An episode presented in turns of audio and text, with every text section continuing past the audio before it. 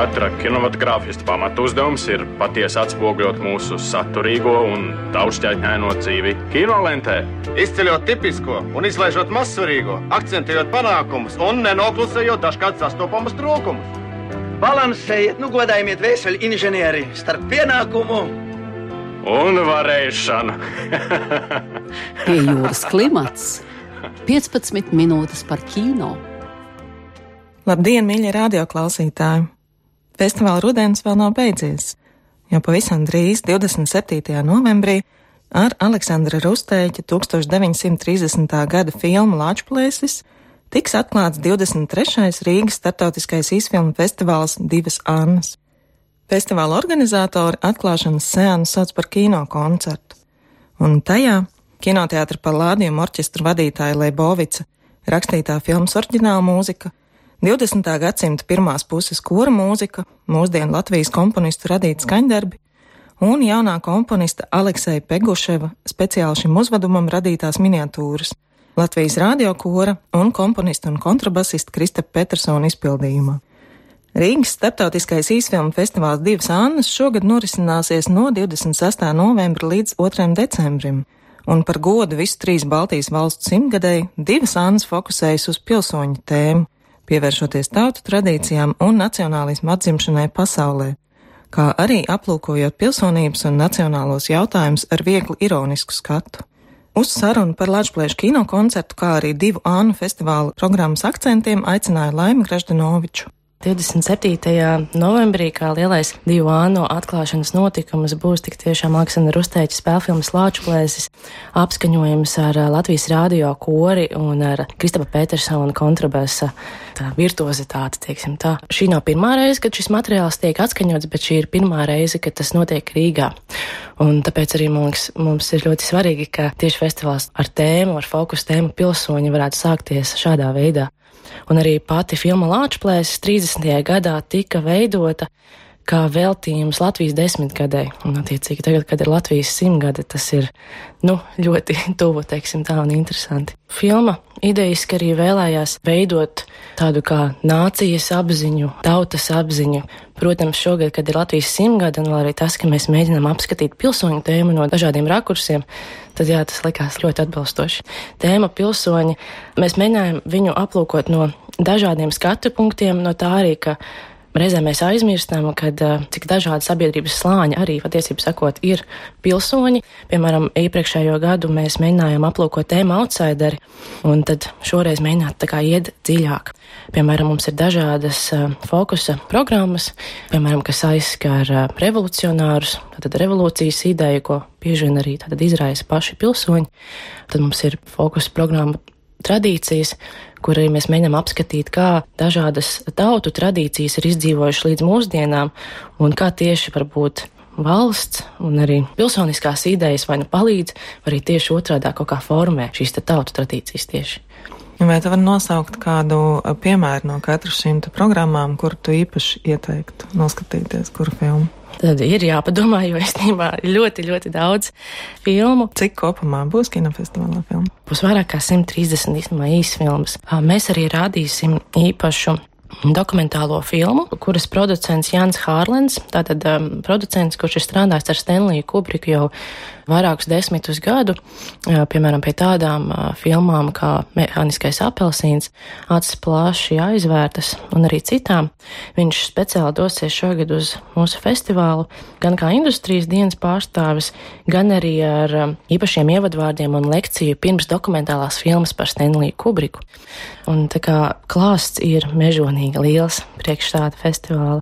Tātad pārsvarā varēs filmas redzēt Kaņepes kultūras centrā un kinoteātrī Kāsuns. Kino koncerts notiks Splendid Palace. Šis būs gan maksas pasākums, bet um, noteikti tā vērts. Un kā jūs izvēlējāties tieši Kristofru Petersonu?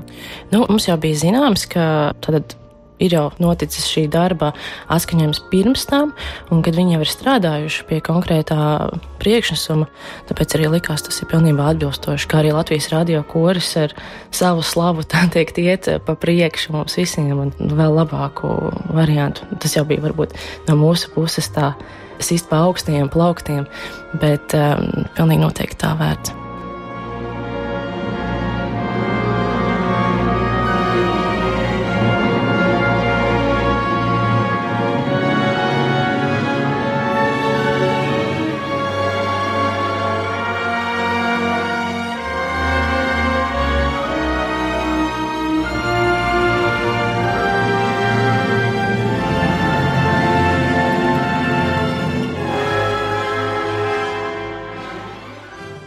Aleksandra Rusteņa filma bija iecerēta kā veltījums Latvijas neatkarības desmitgadē 1928. gadā. Lāčplēša vērienīgo filmēšanu finansēja gan aizsargu organizācija, gan kara ministrija. Filmas masu skatos ar 500 statistiem bija iesaistīts arī armijas daļas un kara tehnika. Tomēr filmas pirmizrāde notika jau vēlāk, 1930. gada 3. martā, un to apmeklēja Latvijas valsts prezidents Gustavs Zemgals, Sājums priekšsādātājs Pauls Kalniņš, ministru prezidents Hugo Celmiņš, iekšlietu ministrs Edvards Laimiņš un pagaidu valdības galva Kārlis Ulmans, kā arī citas prominentas personas, kamēr pie kinoteātra skatītāju pūļi, kas netikuši pie biļetēm, jau gaidīja filmas nākamos seansus.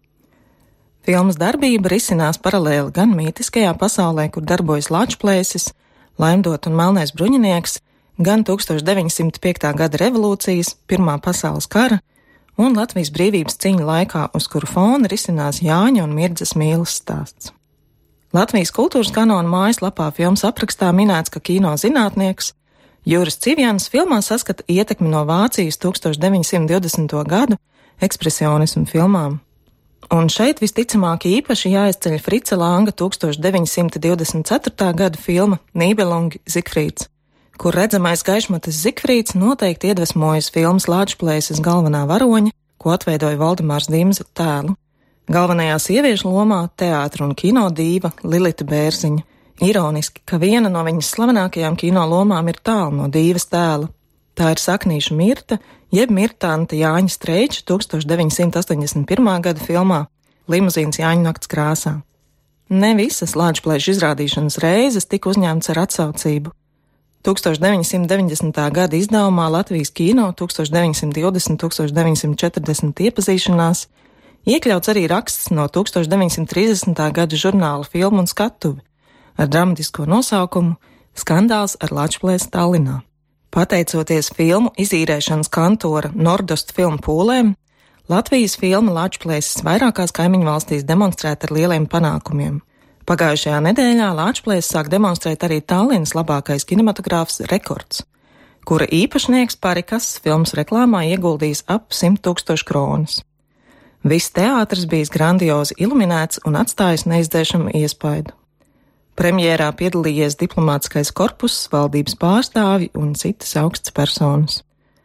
Lāčplēsis neapšaubām būtu guvis liels panākums, ja tikai vien viņa inscenētāji būtu apsvēruši savu darbu sekas.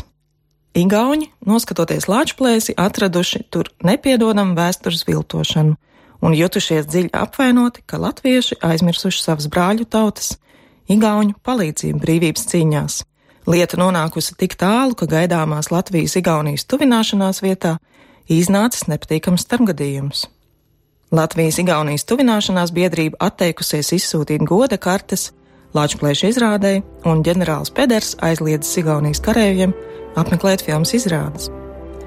Pateicoties šādam naidīgam noskaņojumam, minētais kino Latvijas otrā dienā bija spiests noņemt no ekrāna, dodot ar to mūsu filmai sāpīgu triecienu. Pie notikuma, kā aizrādīts, vainojami vienīgi filmas inscenētāji, kas ar vēsturiskās sejas atveidu Latvijas ir rīkojušies nepiedodami. Tā, lai ir mācība turpmākā darbā.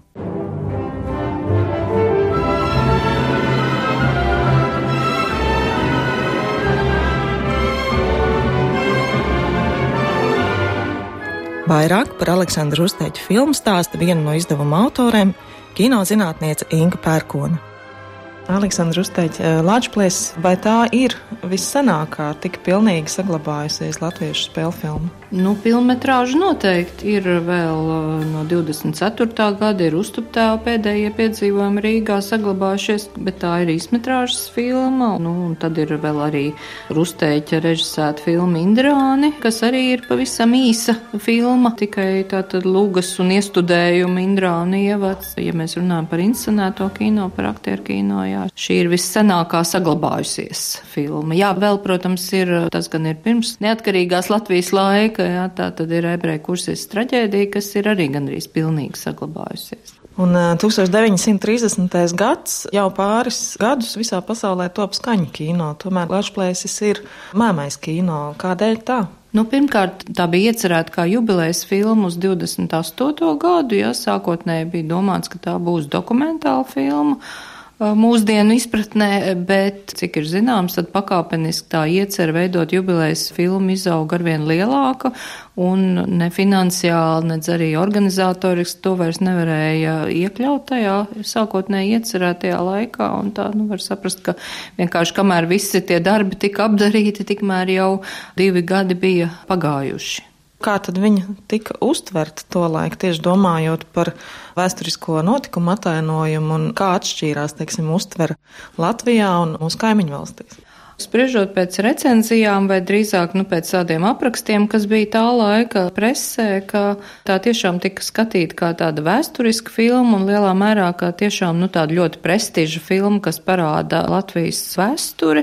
Taču tur bija pārmetumi no Igauniem, ka Igauņu loma Latvijas neatkarības izcīnīšanā nav pietiekami e, parādīta, bet, nu, jāsaka, tas bija tāds regulārs pārmetums, vismaz ko mūsu presa arī tā interpretēja un atstāstīja bija arī jau 20. gadu sākumā tām vēsturiskajām filmām, kas tolaik tika uzņemtas.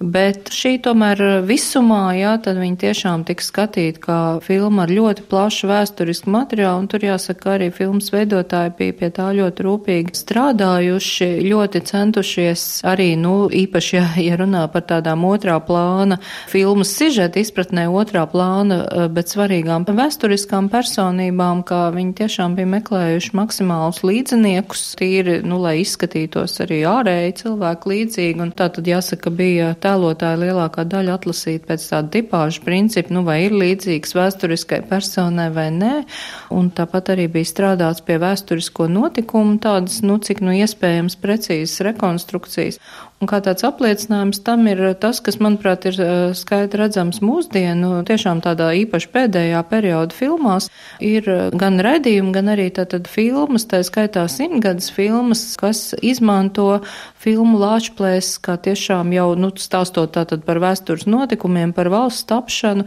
tie kadri, kas tiek rādīti, un, nu, viņi gan netiek īpaši atšifrēti, bet viņi tiek rādīti it kā būtu kroniku kadri, bet īsnībā tie ir no filmas Lāčplēs. Tas ir tāds jau, nu, zināmā mērā tāds jauns fenomens, kas šobrīd ir novērojams. Tas jau arī apstiprina Lāčplēša nozīmi.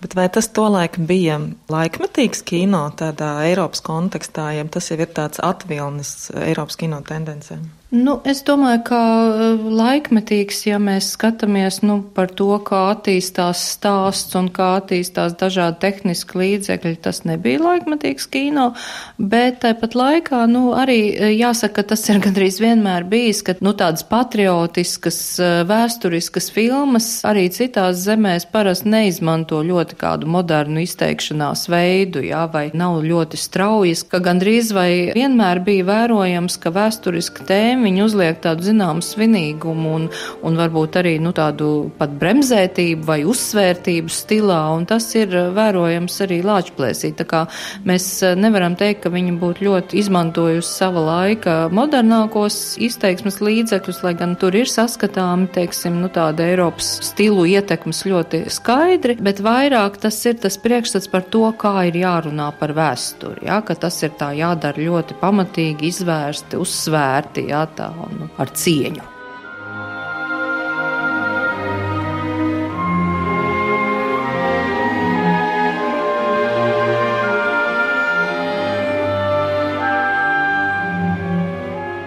Jau otrdien tiekamies filmas Latvijas seansā, bet šodien no jums atvados, lai pēc divām nedēļām atgrieztos ar svaigiem iespaidiem no Tallinas kinofestivāla Melnās naktis, kur Baltijas konkursu ietvaros starptautisko pirmizrādi piedzīvos Inārs Kolmans Bille Filma, kas nu pat kā saņēma Nacionālo kino balvu Lielais Kristaps.